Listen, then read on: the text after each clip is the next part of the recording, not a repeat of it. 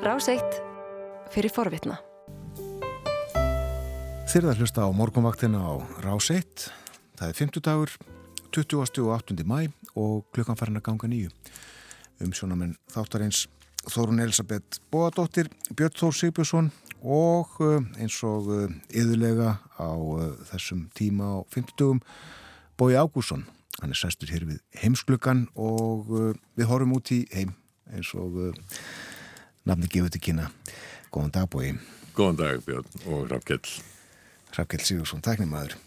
Og uh, bói reyndir ekki einn á ferð að þessu sinni uh, með honum hér líka Gísli Tryggvason, lögmaður. Við ætlum að tala um, uh, um dönsk málefni, já, danst mál, risastórt mál sem að, ef að segja, skekur danstþjólið þessa dagana. Já, þetta er uh, málefni Inge Stauberg fyrirverandi ráð þeirra innflýtjendamála. Það er rannsóknar nefnd á störfum í Danmörku núna til þess að fara yfir ákveðin um, ákveðina ennbættisfæslu hjá henni sem við gísli förum hérna ofan í. Og margir hafa líkt þessu við uh, tamíðamáli svo kallað sem varð stjórn Pól Slut þess að falli 1993 þá var Eiriknin Hansen sem var dómsmálar á þeirra uppvísað því að hafa farið á, á, á svig við laugin og fekk raunar dóm fyrir uh, landsdómi. Danir eru með landsdómi eins og Íslandingar og auðvitað er íslenski landsdómurinn komin frá Danmörku íslenska stjórnarskráin hún er nú margt lík þeirri sem var í Danmörku. Inger Stóiberg málið til umfylgnar hér eftir smá stund en fyrst ætlum við búið að, að fjalla svolítið um þessar efnahags aðgerðir Európusambandsins sem að kynnta voru ger Já Úrsula von der Leyen sem er fórseti framkvæmdarstjórnar Európa-sambansins, hún kynnti aðgerðir sem að allir hafðu vitað að voru í undirbúningi og mörg ríki Európa-sambansins eins og heimsbyðin öll hefur farið úr koronaviru faraldrinum og þessar aðgerðir, það er þegar búið að grýpa til allmikið aðgerða en nú voru kynntar til sögunar aðgerðir sem er upp á 750 miljardar evra. Þetta eru tölur sem að engin venjulegu maður skilur. En, en í þessu tilfelli sem sagt að þá var gert ráð fyrir því að 250 miljardar afsakið aðeins 250 miljardar yrðu lán 500 miljardar yrðu styrkir. Og Sko, Evrópusambandi og sérstaklega ríkin í Norður Evrópa hafa verið mjög treg til þess að ganga í ábyrð fyrir uh, þessi skuldsettu ríki í Suður Evrópu. Og um, þó að sumir uh, Norðan Alpafjalla hafi gert sig grein fyrir því að uh, þetta sé kannski efnahagslega ágættar aðgerðir að þá er erfitt að samfæra kjósendur um það að þeir hafa tilneingu til þess að segja að þeir komu sér í þessi vandræði sjálfur leifum þeim að koma sér úr þessum vandræðum. Já, og það er þetta fyrst og fremst átt við Ítalið spánveri á Gríki ekki satt? Jú, um, sko von der Leyen sagði í gær að indri markaðu sambansins væri svo mikilvægur að það erði að vendan og að hagur allra í Evrópa hefði batnað mjög mikið með innrimarkaðanum og nú er ég bara í rauninu komið að því að menn þurft að borga eitthvað fyrir þetta og þeir eru að, að leggja í púk. Já. Og þetta eru á, á uh, þriðatur ríkja, er það ekki, sem eru í Evrópussambandinu? Það eru 27 núna þegar breytar eru, já, farnir, já. Akkurat, mm. uh, en þessi er ekki tekið uh, jafnvel allstaðar, skulur við segja? Nei, það er einhvern fjögur ríki sem kalla sig, já, sparsumuríkin eða hvernig þú vilt kalla nýsku hérna, ríkin segja sumir og sem að hafa lagst gegn þessu og það eru Danir, það eru Svíjar, það eru Hollendingar og það eru Östuríkismenn og um, Sebastian Kurz, kanslar í Östuríkis, hann hefur nú verið svona óopimbert talsmaður þessa hóps. Hann, eh, og þau, þau taka þessu ekki vel. Í og með vegna þess held ég að það gerir sér grein fyrir því að það er erfitt að koma samfæra kjósendur heima fyrir um nöðsinn þess að styrkja Suður-Európaríkin og það mun þýða þá að það mun þýða aukinn framlög til Európa-samband þetta er kostnaði sem veldur á uh, almenning eh, annar staðar. Sko hugsunin er svo að þeir fái þessa peninga sem að hafa mesta þörfina, það sem að neyðin er stærst. Já Eh, og það eru áður nefnd ríki ríki sem við myndust á hér áðan en þessi peningar verða þau tekið dregnir upp úr umhverjum hatti, eitthvað stað að koma þið frá? Nei, þetta er í rauninni á endanum að þá jújú, uh, jú, það er alls konar uh, alls konar reikni bröðum beittið en að auðvitað vita á endanum leiðir þetta til þess að framlag ríkja til Európa-sambandsins hlítur að hækka. Mm. ef þetta eru styrkir þá, þá hljóta þeir einhver, einhver hlítur að borga Og Frakland og Þýrskaland mikil lekil ríki í Európu uh, samstarfinu og samvinnunni, uh, hvað segja Merkel og Macron? Þau eru Eh, þau eru í rauninni fylgjandi, í rauninni má segja að þetta sé raunin undan rivjum þeirra þó að í Þískalandi séu sko ímsir í stjórninni með evasendur um það að, þetta eigi að vera svona og að það eigi að vera styrkja og annað slíkt að þá, þá eru þau það. Og þannig að þegar fjögur af stæstu ríkjónum, Frakland, Þískaland, Spán og Ítalija eru með hlind þessu að þá skildi mann og ætla að þetta færi í gegn? Já, spátn og Ítalija skiljanlega hlind uh, Já, þau eru það sko. Mm. sko rauksendir framkvæmda stjórnarinnar uh, eh, Margreði Vestager sem er uh, varafósiti framkvæmda stjórnarinnar og dönsk, hún var í viðtalið í Danska sjónvarpi í gerkvöld og sagði að það væri nöðsynlegt að það ríki sem væri veststödd fengi aðstóðuna í formi styrkja að því að þau væri svo skuldsett fyrir. Það væri ekki hægt að auka skuldið þeirra það var danskur hagfræðingu þarna líka sem ég fram að þetta væri hagstætt fyrir Dani. Þetta var þeim beinlýnins græð á því. Þetta er þeim til góðs vegna þess að það væri þeirra hagur að endurreysa efnahagslífi langmest af útflutningi Dana fer til Evrópusambandsríkjana ja. Og langmest af útflutningi og viðskiptum Evrópusambandsins er við önnur Evrópusambandsríki. Þannig að mennur að benda á það að ef að það slæri í bakseglin eh, suðu frá að þá komið það beinleins nýður á efna uh, annar ríkja Európusambansins þannig að þeir voru að segja sko þó að menn þurfa að punga út núna að þá skilis það sér tilbaka í, í meiri hagvexti mm. og ef ekki texta er reysa efnaðarslífið við þá getur það þýtt langvarandi kreppu, atvinnleysi og samdrátt sem kemur niður á öllum Þetta er ekki klappað og klárt Þetta er alls ekki klappað og klárt. Uh, formlega þá uh, þarf að samþykja þetta á er leiðtófundur 18. Uh, júni og svo annar sem að verður í júli að öllum líkindum.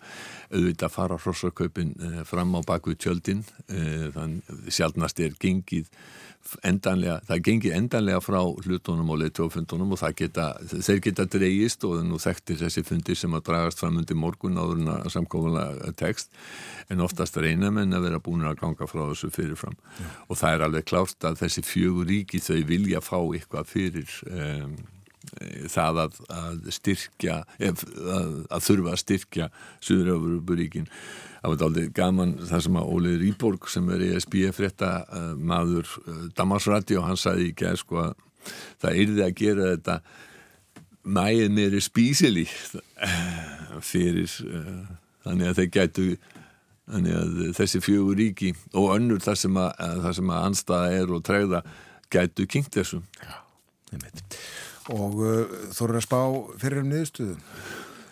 Já, ég held að á endanum að þá fari þetta í gegn uh, eftir umtalsvölda breytingar. Og eftir að það var ekki þessi fjögur sérstaklega verði búin að fá einhverjar dúsur. Það er þegar búið að Danir eru þegar búin að fá þá dúsur að búið að lofa þeim að, að afsláttur af aðeldagjöldum uh, á VSB sem að þeir hafa notið, hann heldur áfram með nóttuðust það sérstaklega eftir að breytar eru farnir að þá uh, myndi það verða til þess að aðeldagjöld, þessi afsláttur er þið afnuminn uh, og, og það er eina megin ástæðan því, fyrir því að ég held að þetta fari í gegn er svo að breytar eru farnir. Ég held að, að breytar hefðu, hefðu aldrei, aldrei samþýtt þetta sko. Þetta mál tengist óbeint því sem við gísli ætlum að ræða hérna en núna.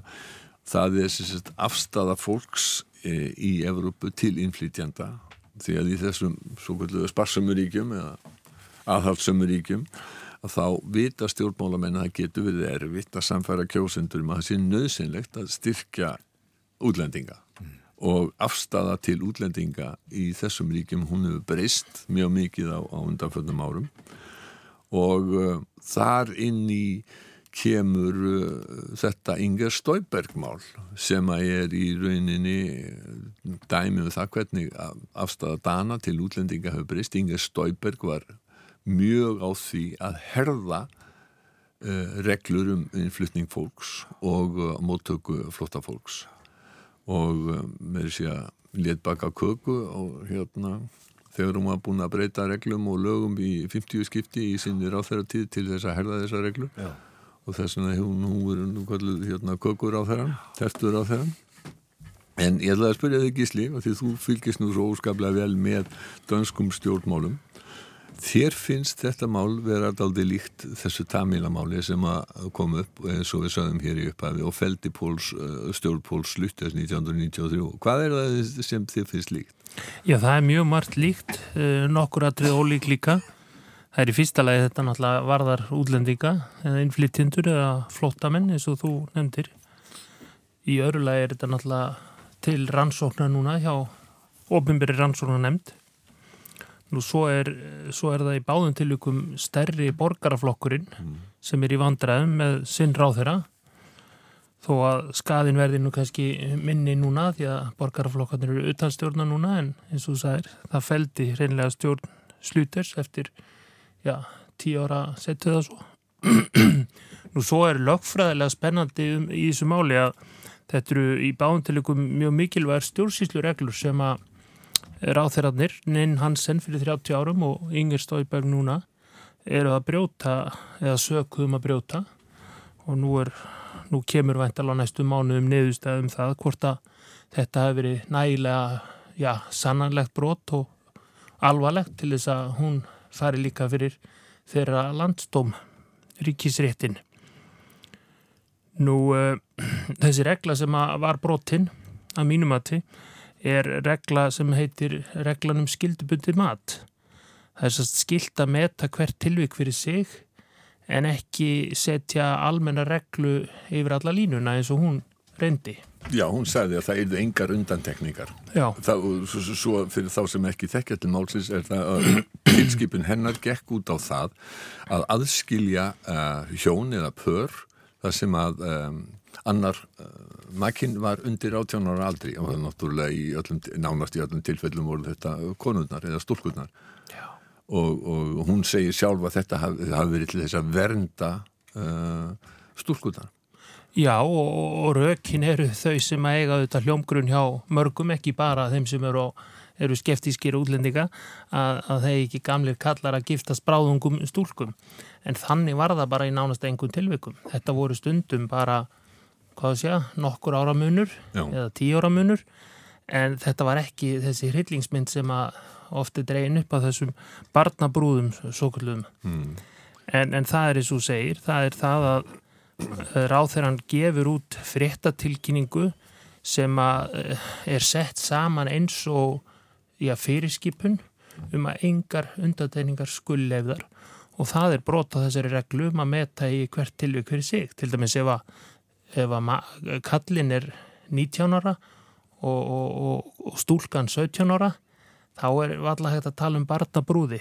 Nei, en Nú hefur Inge Stauber komið ymsa skýringar á, á, á þessu en svo eh, kom enn einn þegar hún kom fyrir rannsóknumnefndina. Já og það er svolítið sérstatt verna þess að hinga til hefur hún varið sér mjög illa eða, eða svona bara neita að verja sig en nú sínist mér um helgin hún hafi fengið alltaf góða lögfræðilega ráðgjöf mm. og það kom í, í ljós eh, eitthvað skuffunótat sem að hún hafi skrifað undir daginn fyrir þessa fréttatilkynningu sem að sennilega ennú bara það sem kalla var í tamilamálunu uh, uh, lífsforsikring sko Já. að ráþeirinn er að tryggja sig með því að hafa eitthvað blað í, í skúfunni um að það eigi að sjálfsögða að fara eftir lögunum mm. þó að annars ég gefið út uh, út af við. Þannig að ráþeirinn hefur fengið gert þetta bara svona sem líf, líftryggingu? Ég er hans réttur um það þetta allavega lítur þannig út en það var nú spörðað því í rannsóknarnemdini Býtu, akkur ertu ekki búin að nefna þetta minnisblad í öll þessi ár sem er búið að ræða þetta mál? Mm. Nú uh, er, er Inge Stauberg mjög sterk innan uh, venstri og fyrir þá sem ekki tekja til danska stjórnmálu þá er rétt að taka fram að venstri í Danmarku er ekki vinstirflokkur, heldur hægriflokkur borgaraflokkur, er í flokkabandalagi með, með framsókn eða maður rétt, þetta er svona flokkur sem að sprottin er upp úr, upp úr bændarhefingunni en er heldur til hægri og er stæsti borgarflokkurinn í, í Danmörku núna. Hún er mjög sterk innan flokksins og uh, vildi uh, sóttunst hún ekki eftir því að verða formaður? Jú, hún svona gældi eitthvað við það en hún átti nú svolítið aldrei séns á því en, en hún var hérna náði frekar auðveldlega kjöri sem var að formaður Já. þannig að það er eitt sem er ólíkt með tamilamálinu og þessu máli að meðan Ninn Hansen eftir áratöga feril í stjórnmálum röklaðist burt úr ennbætti og var svo dæmtu setna þá er hún í raunni hækkuð í tigni, svo má segja og gerða varaformanni hjá nýja Ellimann formanninu Já, Jakob Ellimann sem eh, var formaður eftir að, eftir að uh, Rasmussen fórsættis á þeirra þurfti að já, röklast frá. Sem er aldrei sérstætt að eftir kostningasígur því að venstri bætti við sig að þá fer formaðurinn og flokkurinn úr stjórn. Já, það var aldrei sérstætt Já, það er náttúrulega aðalega vegna fylgistaps stuðningsflokksins, danska þjóðaflokksins sem er ennþá lengra til hægri. Já og ég held að þetta sé öfugt við það sem gerir síðast. Þá jöku þá einhvern tíman jöku venstri menn við sig en, en hérna í annarskiptið jöku er við sig en, en heldin tapaði en, en svo hefur venstri unnið á en heldin já, þetta er þegar fórsætstráðurinn vinnur á í sínu flokki já. þá tapar hann já. í stjórninni að Því að bandamenninni tapar meira Já, bandamenninni tapuð meira stefnubreitingar eh, sko danski þjóðaflokkurinn þó að hann hafi minkað mjög og, og, og, og sé ekki það afl í danskun stjórnmálum eh, núna í augnablíkinu sem að hann var að þá hefur stefna hans haft gríðarlega mikil áhrif á stefna annara eh, flokka og fært umræðina Já, þegar sko, þegar uh, Fremskriðspartíð kom fyrst fram sem mm. síðan Dansk Folkeparti tók við að þá var þetta nú eiginlega bara skammarirði að, að, að tala, eða hvað sé skömmustulegt að tala eins og þeir töluði í útlendingamálum. En nokkur árum setna var það orðið það sem kallaði mainstream e, e, nú talar eiginlega engin mm, með útlendinga e, sé slakari útlendingastefnu nema kannski, nei, nema kannski radikali og, og einhverslisten sko, en þeir ráða bara ekki eins miklu og radikali gerðu áður.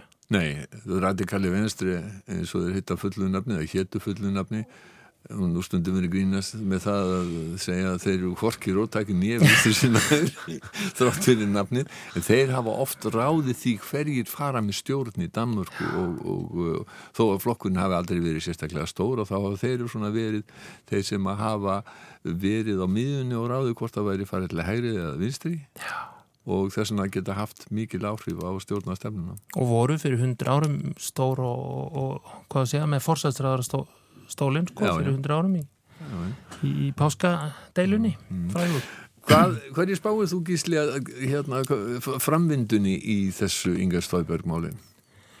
Ég held að eftir þessi, eftir þessi vörd kom fram um þetta uh, falda minnisblad sem að enginn virtist að hafa heyrt af áður þá séu minni líkur á því en ég taldi allavega áður að, að hún verði dregin fyrir landsdóm. En ég var nú farin að tel, tellja það líklegt.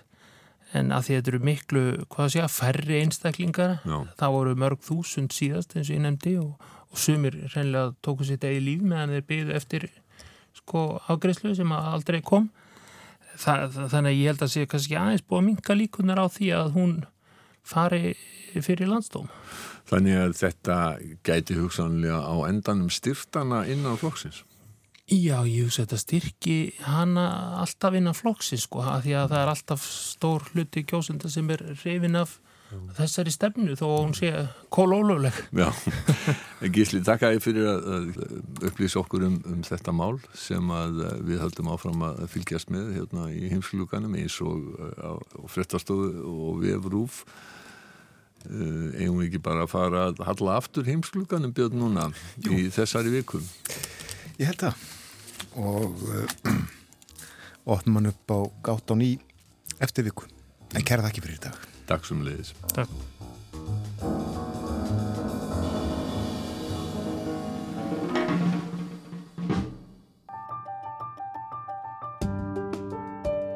Þú varst að hlusta á hlaðvarpsþátt frá Rás 1. Ef þið langar til að heyra meira, farðu þá á rúf.is skástrygg hlaðvarp eða spilaran á rúf.is skástrygg útvarp. Rás 1 fyrir forvitna.